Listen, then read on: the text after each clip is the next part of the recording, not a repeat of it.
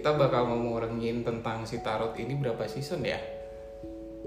Sebenarnya mau ngobrolin tentang tarot itu kartunya ada berapa dan perlambang dari apa. Berikut juga dengan sejarahnya sih. Sama penggunaan tarot sendiri itu untuk apa. Nah, berhubung kita mau ngobrolin tentang tarot, ada temennya gua nih, Keke namanya. Dia salah satu praktisi yang bisa membaca tarot dan bakal kita tanya Halo, selamat siang hadirin podcast Bahaya Jim. Halo, halo. Halo Kek. Halo, apa kabar Jim? Are you good? Uh, not really, but ya, the show must go on.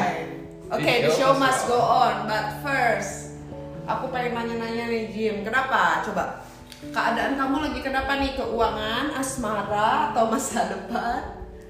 Masa depan. Waduh, kayaknya kronis nih dari segala aspek ya masa depan ya. Anda benar-benar hancur ya. Ah, mostly ya. Mostly yes, oke. Tapi dan kita mah hidup berjuang ya. Dan tarot ini menjadi salah satu insight penyemangat. Nah, ke- kenapa tuh bisa kayak gitu sih? Hah? Kenapa bisa kayak gitu? Kenapa orang harus mendengarkan Hmm. risalah dari tarot ini? Apakah berguna? This is not might. Ini tidak harus ya. Bukan satu kewajiban, tapi kembali ke kepercayaan kalau menurut aku. Dan lagi eh, believe it or not, kalau misalnya dalam persepsi tarot, aku nggak pakai persepsi agama atau apa pun. Jadi khususnya ya jam ya eh, persepsi tarot, tarot itu mengenai energi. Mhm. Kadang-kadang kan suka orang suka salah kaprah nih. Itu mystical things. Oh oke, mungkin disebut mystical things karena memakai energi yang tidak terlihat. Itu energi kan tidak terlihat. Such as Such as misalnya gini, sebenarnya tarot itu adalah penyatuan dua hal, Jim. Penyatuan antara logika dan metafisika. Oke. Kalau aku kasih perumpamaannya ya, matahari. Kamu tahu bentuk matahari kayak apa? Tapi kan panasnya itu nggak bisa terlihat. Panas kan energi, bener nggak? Iya. Cuma bisa langsung, oh tiba-tiba kulit gue hitam mah. gitu, hitaman dan seksi gitu kan. Nah mungkin perumpamaan paling kasarnya kayak gitu ya kalau mengenai tarot. Jadi tarot itu bu magicnya itu bukan di kartunya, tetapi bagaimana energi sekitar kamu merespon pertanyaan kamu Mhm. seperti itu. Let's say this is about mind power. Oke, Kita bilang misalkan dengan cara kita dibacakan risalah dari si tarot ini kita bermain dengan kekuatan pikiran. tuh. Apabila kita percaya itu mungkin bisa terjadi, Hmm. berikut juga kalau misalkan itu tidak terjadi pun tidak apa-apa sebenarnya. Oke. Eh, sekarang tentang sejarahnya si tarot sendiri nih. Oke, sekarang let me say. Itu Tar- dari kapan sih? eh, tarot itu sebenarnya udah ada lebih dari 3500 tahun yang lalu. Mungkin Oke. bukan disebut tarot ya. Tapi kalau kartu tarot itu sendiri sudah ada 1000 tahun. Budaya 1000 tahun yang dimulai dari Inggris, Eropa Hmm, gitu. Oke. Tetapi kayak ilmu tarot ini sudah ada 3500 tahun yang lalu. Di, di apa namanya digagas oleh bangsa Mesir. Bisa memakai dadu. Biasanya kalau bangsa Mesir itu tarotnya itu dadu. Seperti itu. Oke. Dan tarot sendiri sebenarnya adalah satu media untuk ber- kita berkomunikasi sama langit Oke. kayak gitu karena kan orang orang apa namanya orang zaman dulu oleh leluhur leluhur kita kan adalah pemuja langit ya mereka sangat percaya dewa ada di atas sana tetapi untuk berkomunikasi dengan dewa itu susah sekali Oke. seperti itu. Jadi adanya tarot tuh secara simpelnya untuk teman-teman yang bisa aku jelasin adalah media. Untuk kita bisa berbicara dengan langit. Hmm. seperti itu. Berarti interpretasi dalam berbicara dengan bahasa langit melalui Hmm. mediumnya kartu atau dadu. Iya kalau kita mah kasarannya pengen ngobrol sama Zeus. Make tarot. Dan ngobrol jeng. Dewi Sri make tarot. Bisa gitu kan kayak gitu sih. Nah mungkin karena hal dimulainya dengan ya dengan interpretasi tersebut jadi dimistikan kan? Dimistikan. Uh, padahal yang disebut dewa dewi itu adalah perwujudan dari planet-planet itu sendiri. Mercury, Venus, Mars, Uranus, Saturnus gitu kan? Itu adalah yang oleh leluhur kita direpresentasikan sebagai dewa. Dan dewi. Mhm. ditambah dengan ada satu quotes yang selalu aku bilang ke teman-teman dan aku suka banget. Bunyinya gini jam. We are the sons and the daughters of the sky and the earth. Oke. Sebagaimana kita tahu kalau kita lihat eh, literatur berbagai sejarah zaman dahulu ya dewa dewi itu tuh tidak hanya di langit kan. Up eh, above. Dan beneath ya. Jadi eh, tarot ini dikhususkan untuk yang di langit sana yaitu planet-planet. How about the beneath the beneath bisa the surface you mean ya kan? Itu bisa. Cuma eh, tarot ini lebih ke arah yang beyond. Kalau menurut secara fungsinya ya. Mhm. Yaitu langit karena langit kan di atas langit ada langit ada langit ada langit ada langit ada langit teh beres-beres nah oke. Kayak gitu makanya kita mencoba untuk berkomunikasi dengan yang di langit.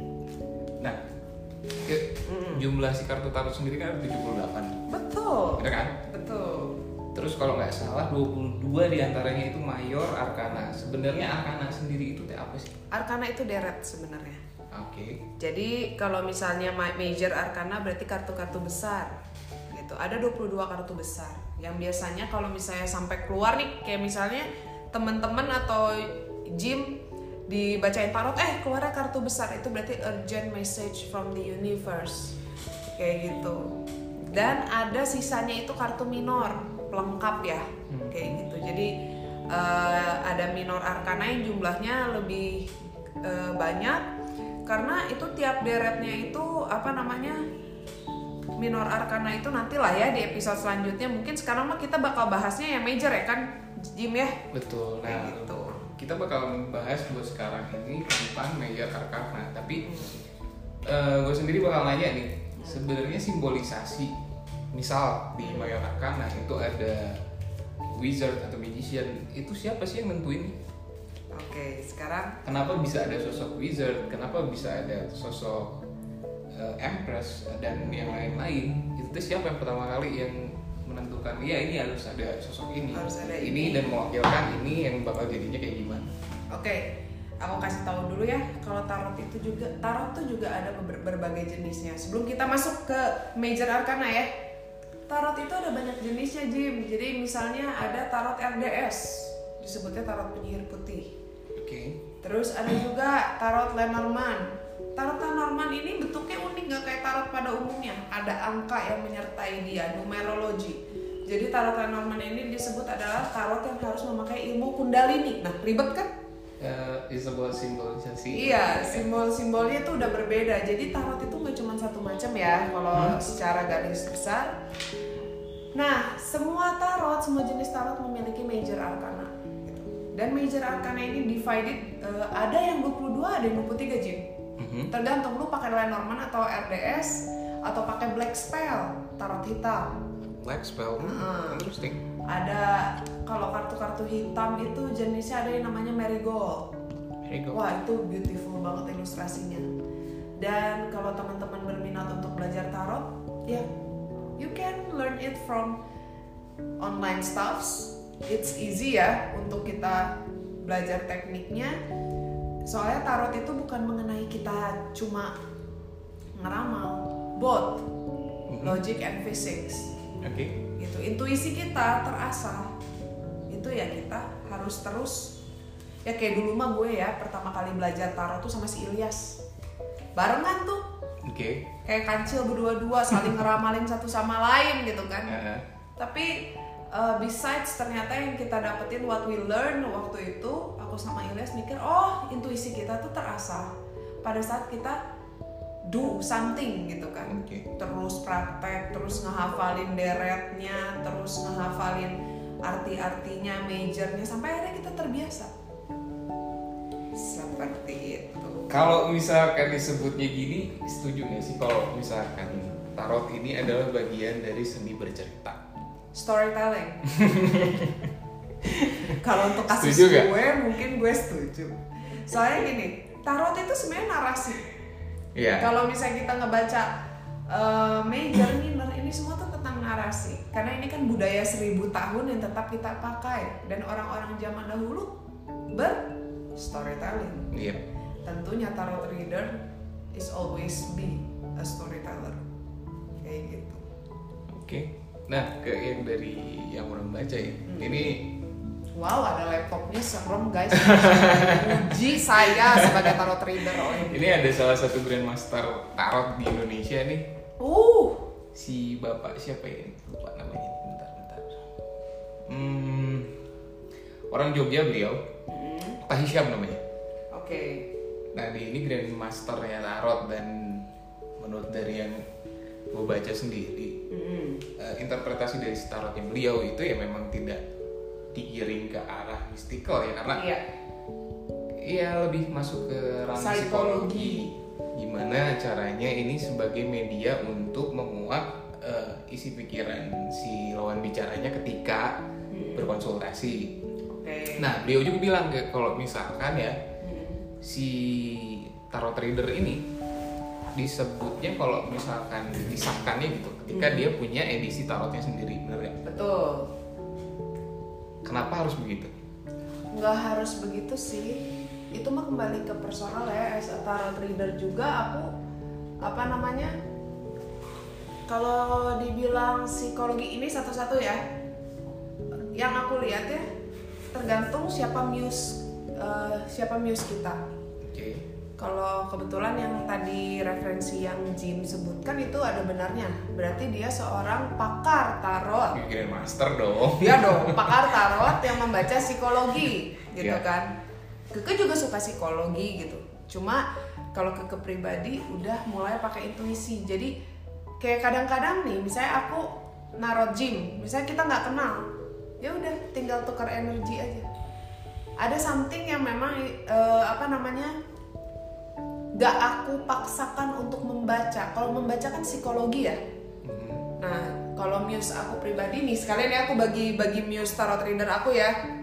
Tarot reader yang aku suka itu Salbiadora namanya. Itu channel YouTube-nya juga dia by intuition. Dia ngembangin energi dia. Jadi tarot reader itu ada dua dua kubu. Sisi psikologi sama sisi by energy. Jadi kalau yang by energy ini yang kalau misalnya ketemu ya udah Oke. Gak us- lu gak usah cerita dulu, langsung gue baca kayak gitu. Like I used to be. Like you used to be maybe ini boleh diceritain. Anda nggak perlu pakai tarot deh kayaknya udah bisa baca-baca ya. Out of context lah itu. Hmm, ditutupi. Ditutupi saudara-saudara. Iya iya. kayak Nah, gitu. Kalau misalkan seperti itu ya jatuhnya si si dunia pertarotan itu eh, ada baiknya kayaknya buat teman-teman yang dengar atau misalkan siapa pun yang nanti bakal mendengar si podcast ini sekali lagi kita bakal ingetin kalau misalkan tarot ini is about psychology.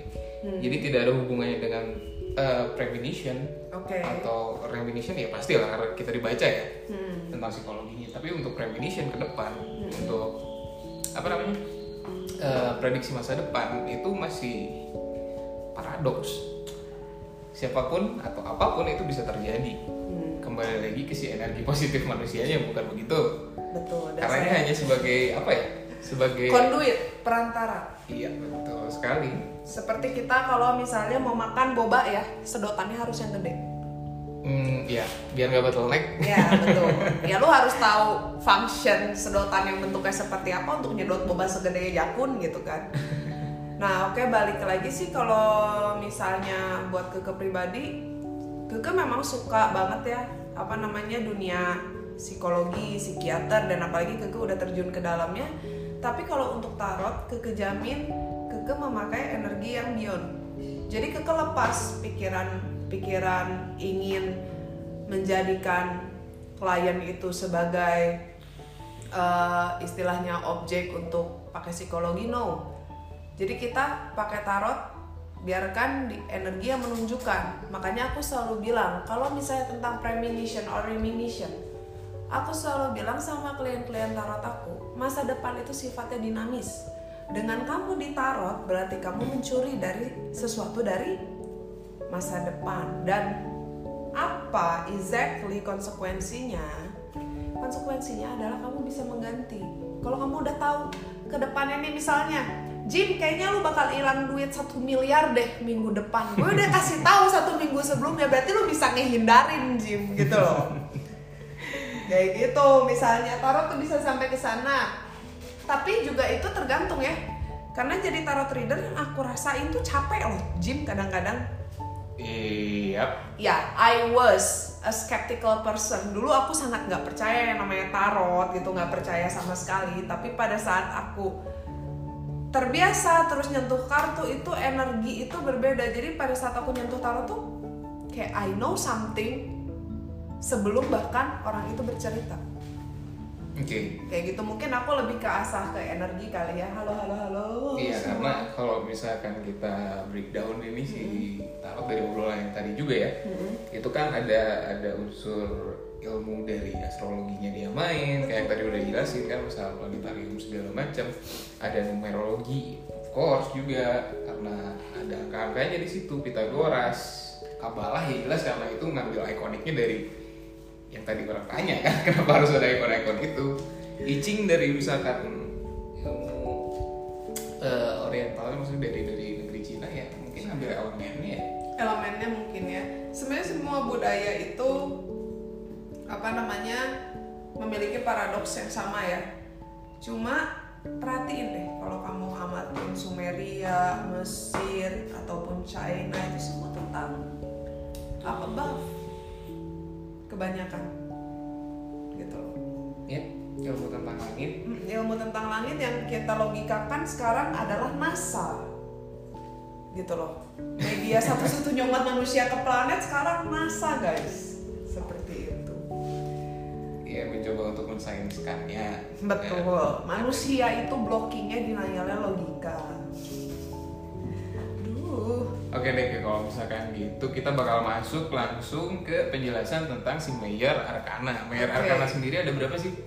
Ada yang 22, ada yang 23. Kalau di Keke kebetulan ada 22. Nih, nih Jim mau yang mana dulu nih yang aku bahas? Oke kita bahas dari nomor 1 sampai nomor 5 Karena yang nomor 0 itu menurut gue pribadi is too much powerful Yes, it's a powerful card Gimana kalau kita jadi dia last? Yep Oke kita akan mulai dari number 1 ya. Tara aku susun dulu nih. Dan sebenarnya sambil kita nyusun ya Major card ini sebenarnya namanya keren-keren loh. Dan ciri khas major card itu untuk teman-teman tahu ya supaya tahu aja itu di depannya ada angka Romawinya. Ya betul. Itu betul sekali. Terus iya. nama-namanya gagah ya. Kita bakal ketemu sama kartu Mayor Arkana nomor satu itu adalah The Magician. Magician. Terima kasih Anda sudah menggoogling dengan baik tampak. Because that's my card. Uh, Magician okay. sendiri itu untuk gambarnya sendiri itu penyihir yang sedang megang hmm. uh, kalau nggak salah dia tuh megang scroll kayak gitulah terus tangannya nggak tahu ke atas nggak tahu ke bawah ke atas tahu ke bawah sih ke atas itu ngaruh nggak sih itu ngaruh semua itu? semua simbolisasi uh, apa namanya dalam tarot itu visual symbolization itu semua berpengaruh gitu ter, terhadap bacaan-bacaan kita mulai dari magician ya misalnya ya magician ini kartunya kalau direlate dengan zodiak itu Gemini dan Virgo. Oke. Okay. Magician ini kalau bisa dilihat nih ya ada lambang infinity ya ada lambang infinity-nya terus di bawahnya tuh ada meja sederhana ada kelis ya kelis itu cawan ya cawan ya jadi di sini uh, secara keseluruhan yang disebut magician itu adalah apa namanya kayak film. As above so below.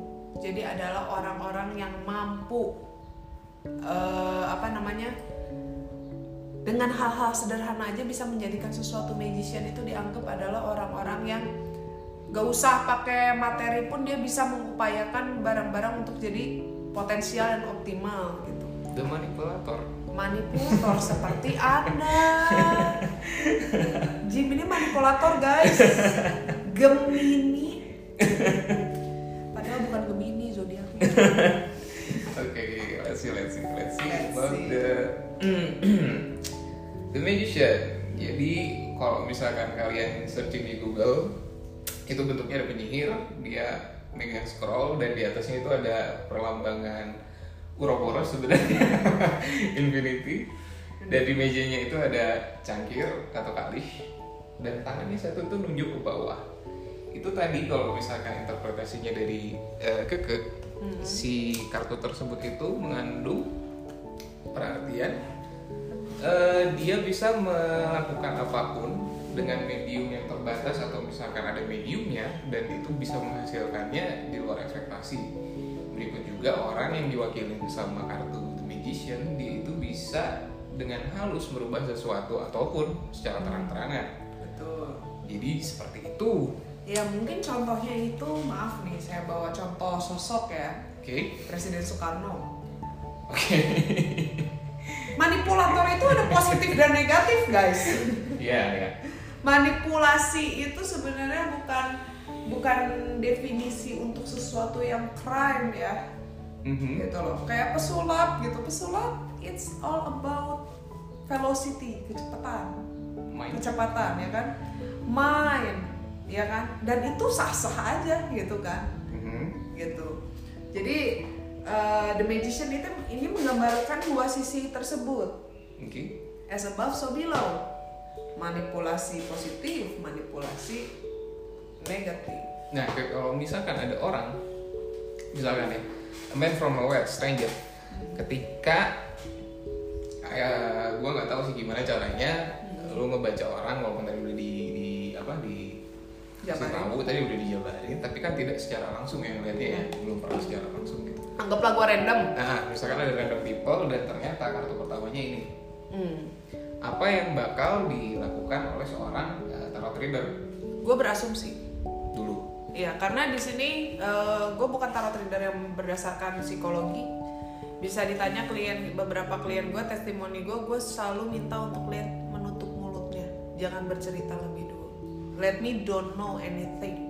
Oke. Disuruh kocok kartu dan misalnya dapat magician. Di sini kan semesta hanya memberikan gue sign. Oke. Kalau cuma satu kartu, gue nggak bisa, gitu kan. Cuma kalau misalnya keluarnya magician, berarti satu antara zodiak orang yang dia tanyakan ini Virgo atau Gemini, atau yang kedua bisa jadi dia zodiaknya Virgo atau Gemini. Yang ketiga, magician ini sebenarnya adalah kartu yang sangat-sangat sulit ditebak.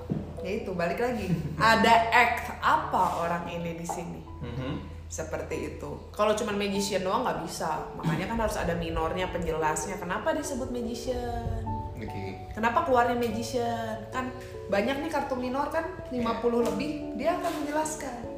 Untuk sosok si magician sendiri. Hmm, kenapa dia magician gitu kan? Kalau misalnya eh, sesuai zodiak ya Gemini atau Virgo. Oke.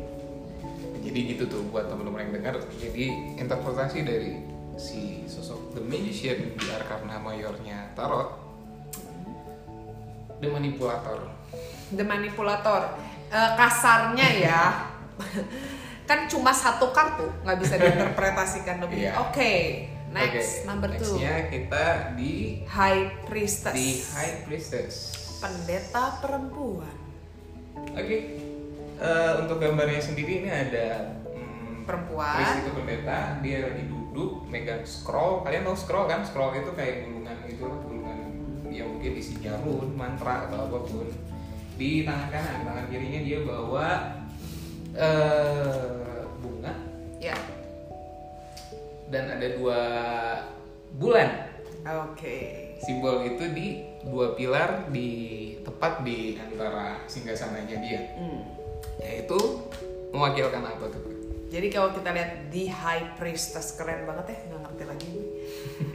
kartu nomor kartu Major Arcana nomor 2 ini sebenarnya melambangkan uh, divine feminine energy. Oke.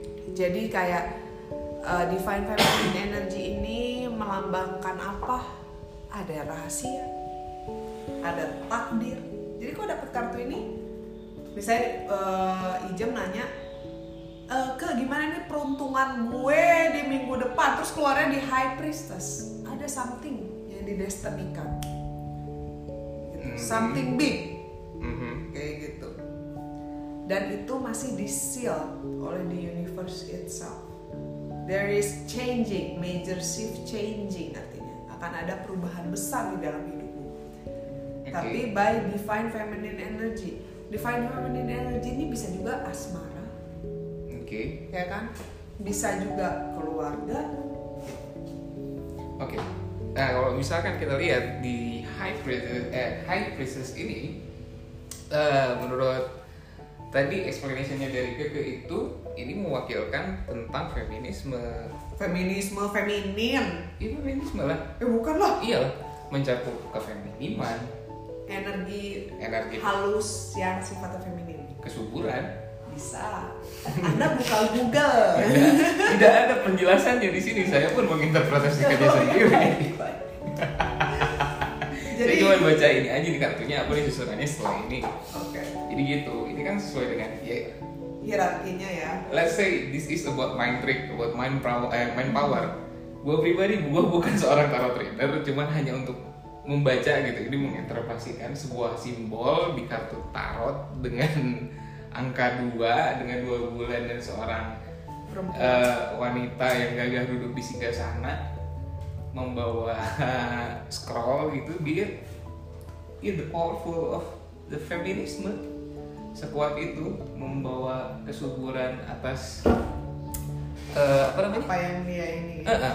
Intinya kalau the high priest priestess itu mengenai rahasia takdir dan juga apa namanya kadang kita nanya ini ke depannya gimana ada yang diterangin ada yang rahasianya masih ditutup berarti salah satu kartu stopper untuk tarot reader bilang ke kliennya ada something yang besar dan Mhm. akan terjadi Mhm. tapi aku nggak bisa ngasih tahu lebih oke that's eh, fun fact ya ya fun fact-nya ternyata ada ada oh iya itu juga sekalian jadi pertanyaan tuh kalau misalkan setelah misalkan seorang tarot reader ini ngebaca orang dan ternyata eh, tergantung pertanyaannya ya misalkan dari dari hasil hasil eh, baca dari kartunya sendiri dan dicocok logikan Hmm. dengan situasi psikologis si klien sendiri ini kayaknya lebih baik nggak usah dikasih tahu dan ternyata kebetulan walaupun di dunia ini tidak ada kebetulan kartu ini muncul berarti ini Hmm. bisa jadi stoppernya gitu untuk tidak menginformasikan itu Iya.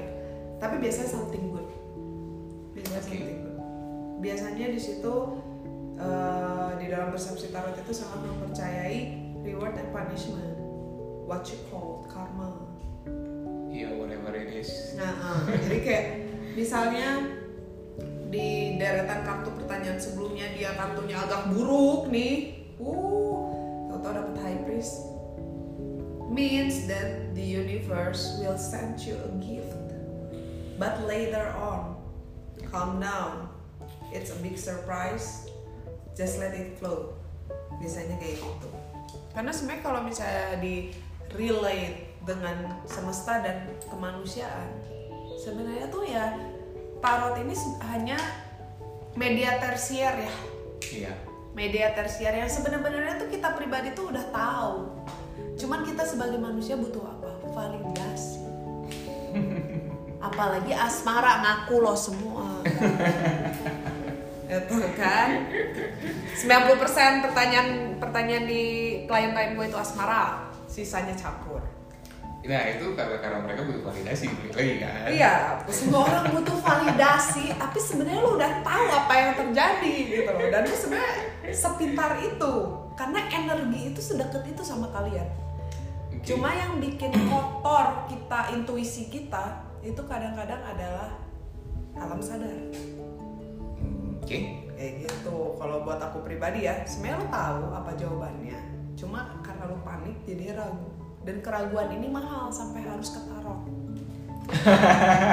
lu per jam 150 ribu sampai bingung ayo. Eh, basically, basically ya kalau misalkan kita ngebahas karena kan ini bagian juga kalau misalkan menurut gua pribadi ya mau itu kita membahas tentang seni magic kalau misalkan interpretasinya gue sendiri magic itu tidak tidak sesuatu bukan sesuatu di luar nalar. Ya hanya kita belum tahu gimana cara mengaksesnya karena kita punya sebenarnya itu di, di diri kita masing-masing. Hmm. ya menurut gue sendiri ini, ini kan bagian dari antropologi ya karena kita Betul. mempelajari seni manusia. Manusia itu seni sebenarnya karena seni itu adalah ego. Gimana anak seni? Wow. Oh sebenarnya anda ini membongkar profesi saya ya. Bagus jadi kenapa sih aku nih seniman terus jadinya ke tarot ya karena seniman tuh macem-macem ya. Balik lagi ke hakikatnya ada yang suka musik ada yang suka gambar ada yang suka ke sisi kemanusiaan dan movementnya gitu. Dan kebetulan aku suka di sisi kekaryaan dan movementnya. Tapi movement aku ya tetap ke humanity. Seni bermanusia. iya. I do I do tarot because apa nih orang ketawanya kayak orang jahat ya podcast bahaya juga oke. Jadi itu memang apa aku suka tarot karena ini tuh bicara tentang humanity. Oke. Dan balik lagi ap- eh, semua kalau tarot versi aku ya aku menghargai ya tarot reader yang lain. Kalau tarot versi aku aku sangat percaya intuisi gitu. Let my intuition guides you oke. Kayak gitu. Ini lanjut ke tarot nomor 3 di Empress lihat. Boleh boleh boleh. The empress. Di Empress. The empress ini gambarnya Brian. itu eh, masih wanita juga. Eh, dia punya angka nomor 3 dan di atas kepalanya itu ada mahkota bintang. Ada berapa bintang nih berapa 8 12 uh, ada 12 bintang dan dia megang uh, staff ya megang yeah. tongkat tapi sambil duduk juga itu melambangkan apa sih Mother of the Tarot oke okay. okay. Mother of the? Ya? Tarot jadi di Empress ini dilambangkan sosok istri oke okay. istri itu dalam artian bukan tentang wah istri gue kalau misalnya di dalam satu pertanyaan Anda keluar di Empress, berarti Anda di mata orang tersebut adalah sosok yang sangat keibuan. oke Ini tentang maternity. oke tentang all about maternity yang bisa di apa korelasikan eh, sesuai pertanyaan. Jadi kalau ngomongin eh, major card secara apa simbol itu bisa masuk ke pertanyaan apa pun. Sekarang lihat kan kalau diperhatiin baik-baik di Empress number 3 perutnya kayak sedang mengandung. oh iya iya Ya, it's all about fertility. Kalau di aspek bisnis berarti ini sangat baik subur subur. Ini akan terus menghasilkan generasi ke generasi uang lu tuh tujuh turunan misalnya. Dan di Empress ini nggak bisa dibaca sendirian, harus ada di number 4 di Emperor. oke Nah, di Emperor itself itu adalah kartu Aries. Aries adalah zodiak nomor satu. Dalam tarot, bulan pertama itu bukan Januari, tapi April. wait a minute Eh, jadi eh, kita ambil kesimpulan ya kalau misalkan si Empress sendiri ini memang diciptakannya berpasangan sama di Emperor. Jadi Empress Iya. ini kalau bahasa Indonesianya itu adalah permaisuri. Betul. dan Emperor ini ya of course dia ini kaisar. Nah untuk si kartu nomor 4 sendiri ini Emperor ini eh, gambarnya itu seorang kaisar duduk dia megang staff. Tapi kalau di sini angk sambil megang bola. Hmm. nah kalau misalkan kita lihat ya mungkin Dia lagi ngeliat ke mana coba lihat. ke anak-anak sih. anak kecil cuman kalau misalkan gue sendiri mengartikannya the most powerful man uh, with the world Iya, in his right oh sorry left hand iya. Dan dia dia memerintah dengan bijak berarti karena dia memegangnya tongkat bukan pedang Betul. Apalagi kalau lu ngerti istilahnya ilmu-ilmu antropologi ya, kanan artinya apa, kiri apa, filsafatnya. Dan juga di Empress bisa lu perhatiin posisi tangannya. yep dia sama Ya. Cuman Emperor, Empress tangan kirinya dia nggak megang apa pun, cuman menunjuk ke belakang, ke bawah tepatnya, tapi jarinya itu menuju ke hal yang di antara eh, pangkal paha pokoknya. Betul. Dan di Empress sendiri tuh eh, memang berpasangan di Emperor. Ya Iya. jelas lah, karena di sini mereka berdua adalah sosok yang duduk anggun aja. Iya karena Emperor tidak akan dengan Emperor kembali ya, nanti bakal jadi kacau dong. apa? Ini adalah bisa diasosiasi diasosiasikan dengan orang-orang yang main apa sih? Main trickster. Seseorang yang berstrategi. Dua kartu ini. Seseorang yang poker face yang sangat anggun, tidak terbaca. More than magician. I'm sorry. Iya iya. Aduh aduh. Karena apa? Mereka udah punya kedudukan, harta jelas, dan mereka always watch over you. Iya. Dan ada tipikal orang yang seperti itu. Kenapa diasosiasikannya dengan Aries? Aries itu zodiak Aries itu ibarat kalau masih muda tuh api yang sangat membakar ke mana-mana meledak-ledak. Tetapi Aries itu makin tua makin jadi api yang hangat. Oke. So that is why Aries is the emperor itself. Oke. Kayak gitu. Oke oke. Oke deh, kita next aja langsung ke kartu yang nomor Kelima. lima. The High Priest, pendeta yang laki-laki sekarang. Why? Why? Why? Oke, kita bahas dulu sih gambarnya ya. High priest itu adalah pendeta tua. Dia itu duduk di eh, kayak ya? Kayak bukan singgah sana sih disebutnya. Pokoknya kayak tempat duduk untuk yang di- biasa dipakai sama para pertapa. Mm, Nah, tangan kanannya itu menunjuk ke atas dan ada dua jari dikatasin. Tangan kirinya dia pegang staff tongkat juga dan ada dua kunci di situ. Satu itu kuncinya lambangnya dengan matahari, yang satu lagi dengan bintang dan bintangnya itu ada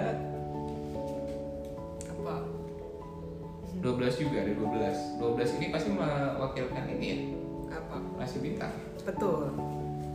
Oke, jadi kartu kelima itu the high priest atau pendeta Betul. laki-laki tapi itu melambangkan apa? Komitmen. Oke. Jadi di High Priest ini kalau tadi pendeta perempuan di sebelumnya membahas rahasia, di High Priest ini membahas tentang komitmen. Komitmen tuh bukan berarti komitmen kontrak kerja atau apa pun. Komitmen kayak semacam pernikahan. Oke. Komitmen semacam penyatuan dua sisi Mhm. kayak gitu kan nggak selalu perempuan dan laki-laki bisa aja binatang dan hewan siluman gitu kan jadi kayak penyatuan keadaan juga bisa jadi di high uh, priest ini berbicara tentang diversity Oke. penyatuan segalanya itu kan ada dua kunci cross dan kuncinya bisa bisa ucup lihat gitu ucup jing maksudnya Oke. itu tuh kuncinya dua kunci berbeda kan Aha. Nah, itu penyatuan dua sisi yang berbeda. Apa pun itu. And how about the pentacles being his knight? Ya kan, aku juga bisa bilang di situ kalau soal bisnis juga bisa. Oke. Ini nggak cuma tentang feelings, tapi materi juga. Oke. Kayak gitu. Nah, jadi teman-teman kita udah ngebahas lima kartu nih Uh, Dari sisanya mayor. lebih seru loh. dari mayor arkananya tarot itu ada yang pertama tadi kita bahas karena kita tidak membahas dari kartu nomor 0 dan karena kita sepakat itu kartunya Jadi terlalu terakhir. Jadi yang pertama itu ada The Magician, yang kedua itu ada High Priestess, yang ketiga itu ada The Empress, yang keempat itu ada The Emperor, dan kelima itu ada The High Priest. Nah, menurut eh, karakter kartunya tadi yang dibacain sama Keke, kalau misalkan di sini tuh ada sosok seorang manipulator, ada seorang sosok yang Penuh rahasia. penuh rahasia introvert enggak sih sebenarnya cuman dia Oh, introvert. nah buat di Empresses itu sosok yang sangat eh, Keibuan maternal. ya sangat mengayomi. Ada sosok emperor yang sangat kuat dan bijak Paternity. dalam eh, menyikapi kekuasaannya. Dan ada juga high priest yang ternyata eh, kalau misalkan kita coba cocok login lagi ya kalau misalkan Bebas kita kita ulas dari nomor 1 sampai nomor 5 sebenarnya kuncinya itu ada di sini ya sesuai dengan logonya yang bisa menggabungkan itu semua ya unity in diversity. Is beautiful. So eh, terima kasih udah dengerin. Nanti kita bakal sambung lagi di episode 2 kayaknya di season pertarotan sama Keke lagi. Bayar, bayar. jangan lupa buat nge-follow eh, IG-nya Keke apa ke IG Josen herself. spelling dong karena J double O S E N C herself. oke terima Makasih kasih ya, makasih ya buat podcast Jim. Jangan lupa didengerin podcastnya Jim. Nanti kita insta story. Oke, thank you. Terima kasih ya teman-teman. Eh, kita ketemu di episode 2 masih season pertama juga. Masih tentang Mayor Arkarna. Eh, Assalamualaikum warahmatullahi wabarakatuh. Bye.